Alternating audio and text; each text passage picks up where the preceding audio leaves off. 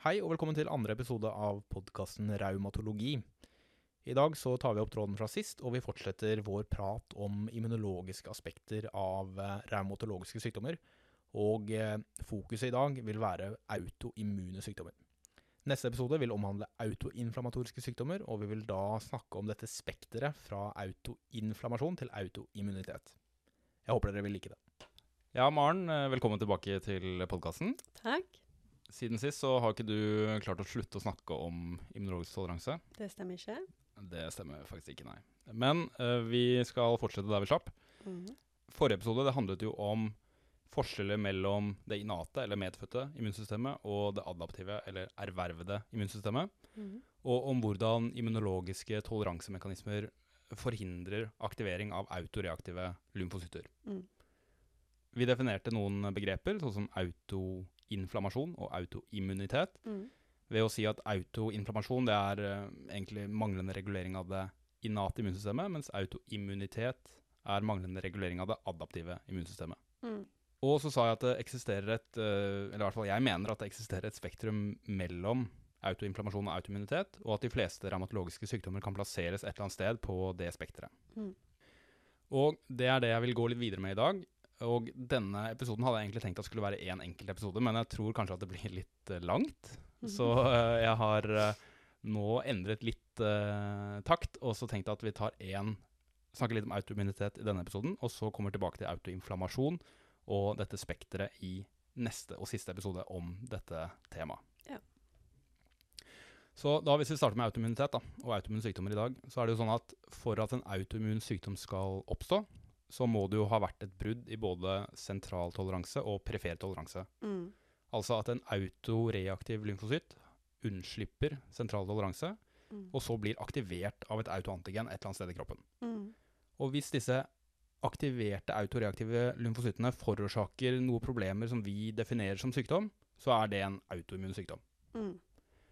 Og autoimmune sykdommer de er jo sånne multifaktorelle sykdommer, og i de fleste tilfeller så vet vi jo ikke helt hvordan og hvorfor de oppstår. Nei. Men det er et genetisk bidrag, og selv om det finnes da noen ekstremt sjeldne monogenetiske autoimmune sykdommer, Mm. sånn som autoimmunt polyendokrin syndrom type 1 og IPEX-syndrom, som vi snakket om sist, Mm. så er det jo sånn at for eh, alle andre, eller de fleste autoimmune sykdommer, så vil det genetiske bidraget være polygenetisk, eller Mm. også kalt heterogenetisk. Altså at det er mange ulike gener som bidrar til sykdomsrisikoen. Mm. Altså det er ikke mutasjon i ett enkelt gen. Nei. Det er mange gener som er med. Og hver for seg så øker hvert av de enkeltgenene risikoen for å utvikle sykdommen helt minimalt. Mm. Så det betyr at du må ha sykdomsassosierte varianter, eller altså sånne risikoalleler, i veldig mange forskjellige gener for at den genetiske risikoen skal bli høy nok for at du blir predisponert for den sykdommen. Mm. Og da er du bare predisponert, Da så er da har du fortsatt ikke sykdommen. Nettopp. Mm. Gener som ofte kobles mot autoimmun sykdom, det er ofte gener som koder for proteiner som er involvert i aktivering av lymfocytter. Mm. Og HLA-gener er en hel sånn særklasse her, fordi nesten alle, eller i praksis alle, autoimmune sykdommer har en eller annen assosiasjon med noen bestemte HLA-alleler. Mm. Og den vanlige forklaringsmodellen der er jo det at noen HLA-alleler koder for noen MHC-proteiner som presenterer de sykdomsassosierte autoantigenene til autoreaktive T-celler. Mm. Og i forrige episode så snakket jeg om at ulike HLA-alleler har litt ulik forekomst rundt omkring i verden. Mm. Sånn at det er noen HLA-alleler er vanlige i Nord-Europa, mens det er andre som er vanligere i Sørøst-Asia. Mm. Og så sa vi at grunnen til det var jo det at de HLA-allelene som koder for MHC-proteiner, som presenterer antigen fra de patogenene som er viktige og vanlige i det geografiske området, vil bli selektert frem gjennom evolusjonære prosesser. Mm. Og siden autoimmune sykdommer er assosiert med bestemte HLA-alleler, så kan det fenomenet der også bidra til å forklare hvorfor forekomsten av autoimmun sykdom varierer rundt omkring i verden. Mm. I tillegg til HLA så finnes det også mange andre gener som ofte kobles opp mot autoimmun sykdom. Mm. Og et eksempel er PTPN22, som koder for et protein som vanligvis begrenser T-celleaktivering ved å blokkere signaltransduksjon fra T-cellereseptoren. Mhm. Så blokkerer basically signalet fra T-cellereseptoren. Mm. Og så er det mange gener, sånn som f.eks. PTPN22, som er assosiert med mange ulike autoimmune sykdommer. Mhm. Og årsaken til det er jo at disse genene de legger til rette for lymfocyttaktivering. Mm. Så de predisponerer deg på en måte for autoimmunitet på mer generelt grunnlag. Mm.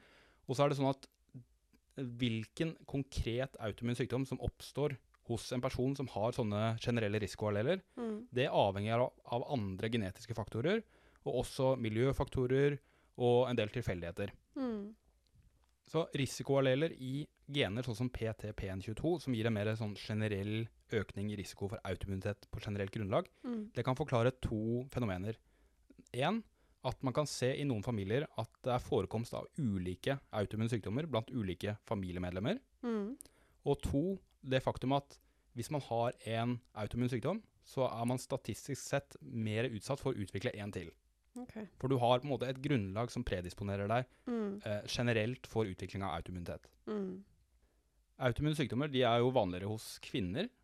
Mm. Det er jo sånn at eh, ja, faktisk er jo mer enn 80% av alle de som har en autoimmun sykdom, er kvinner. Ja. Og det er mange grunner til det her. Eh, deler av forklaringen det ligger i X-kromosomet. Mm. Fordi kvinner har jo to X-kromosomer. Det stemmer. Og i hver eneste celle av kroppen så blir ett av X-kromosomene inaktivert. Mm. Det betyr at det, det uttrykkes ingen gener fra det X-kromosomet som er inaktivert. Nei. Og hvilket X-kromosom som blir inaktivert, er Mm. helt tilfeldig i hver enkelt celle. Mm. Så det kan være X-kromosomer fra mor eller X-kromosomer fra far. Mm. Så statistisk sett så er det jo sånn at de fleste kvinner vil ha en situasjon hvor 50% av cellene deres cirka, har inaktivert X-kromosomer fra mor, Mm. og ca. 50% har inaktivert X-kromosomer fra far. Mm. Hvis mer enn 80% av cellene har inaktivert X-kromosomet fra samme forelder, Mm. så kalles det skjev X-kromosominaktivering. Mm. Og dette fenomenet det er assosiert med autoimmunitet. Okay. Fordi vi kan jo si at mor og fars X-kromosomer vil ha forskjellige varianter, altså forskjellige alleler av visse gener. Mm. Og da kan man kanskje se for seg at de gir opphav til litt forskjellige proteiner, og altså litt forskjellige autoantigener. Mm. Kjøper du den? Mm. Ja. Så de to eh, X-kromosomene, ett fra mor og ett fra far, kan gi opphav til litt forskjellige autoantigener. Mm. Så se for deg nå at mer enn 80% av cellene i thymus har inaktivert X-kromosomet fra samme forelder, f.eks. fra far. Mm. Det betyr jo at disse autoantigenene fra det paternale X-kromosomet Mm. er veldig lite uttrykt i tumus. Det vil si at de autoantigenene fra fars X-kromosom i veldig liten grad, blir presentert til T-cellene under deres sentrale toleranse. Mm. Altså at du har veldig dårlig negativ seleksjon mot de paternale autoantigenene fra X-kromosomet. Mm. Men andre steder i kroppen så kan det være en situasjon hvor fars X-kromosom er inaktivert i mye mindre grad, Mm. som betyr at de autoantigenene er uttrykt i større grad. Mm. Og da kan jo de eh, autoreaktive T-cellene som har unnsluppet sentral toleranse, Mm. gå til angrep på de autoantigenene i de vevene.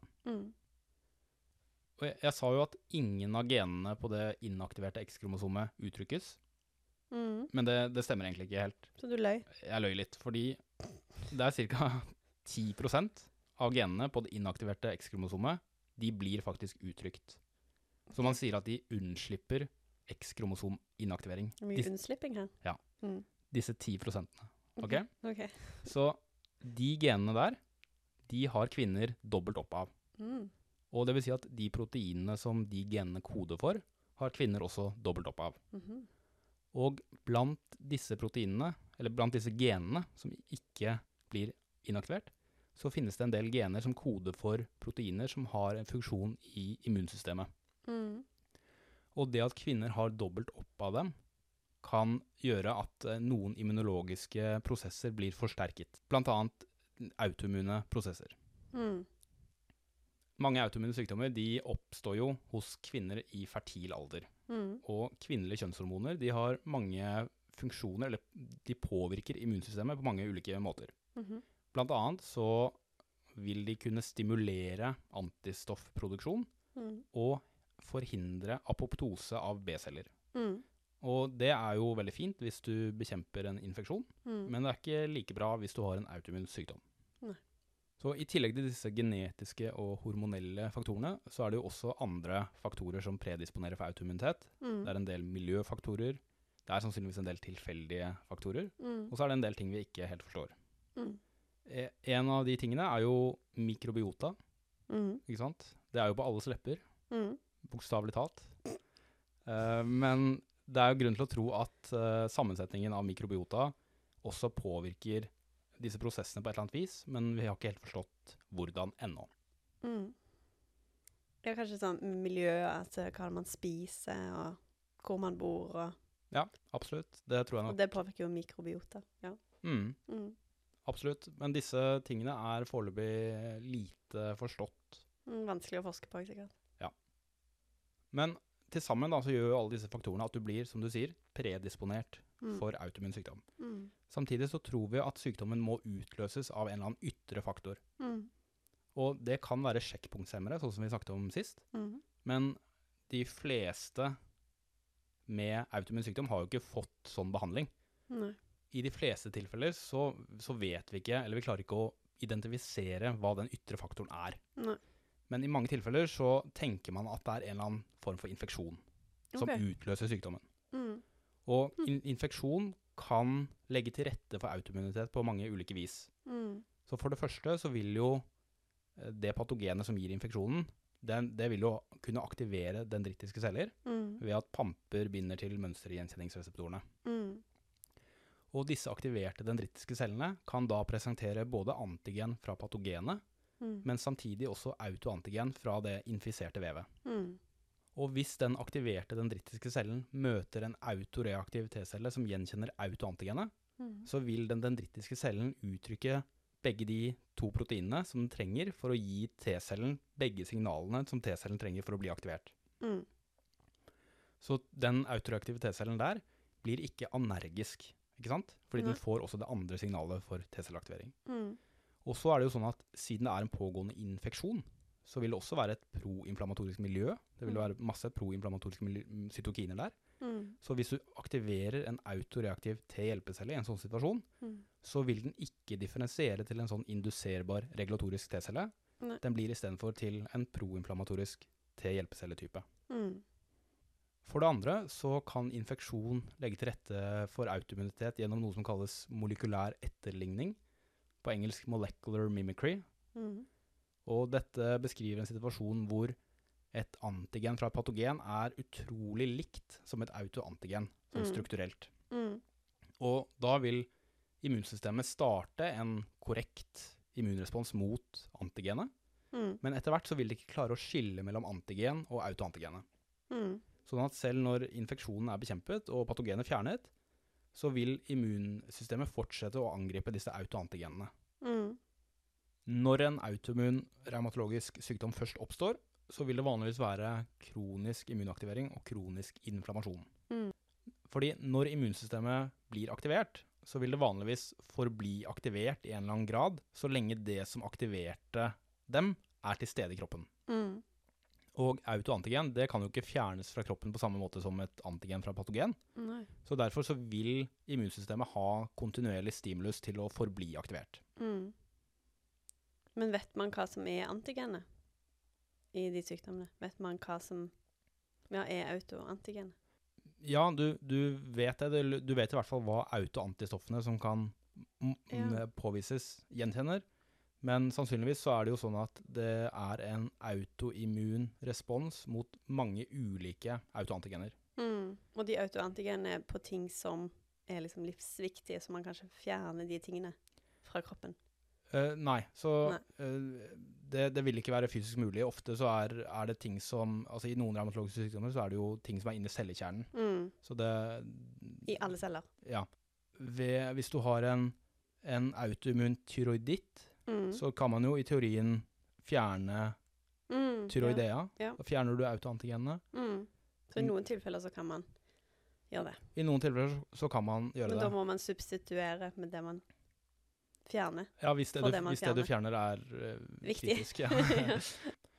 Men for eksempel autoimmun tyroiditt, det er jo en sykdom som kun rammer ett organ, Mm. ikke sant?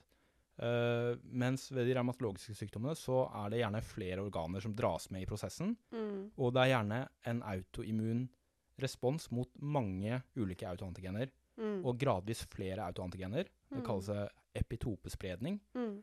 Sånn at eh, etter hvert så vil, vil det være en så bred autoimmun respons Mm.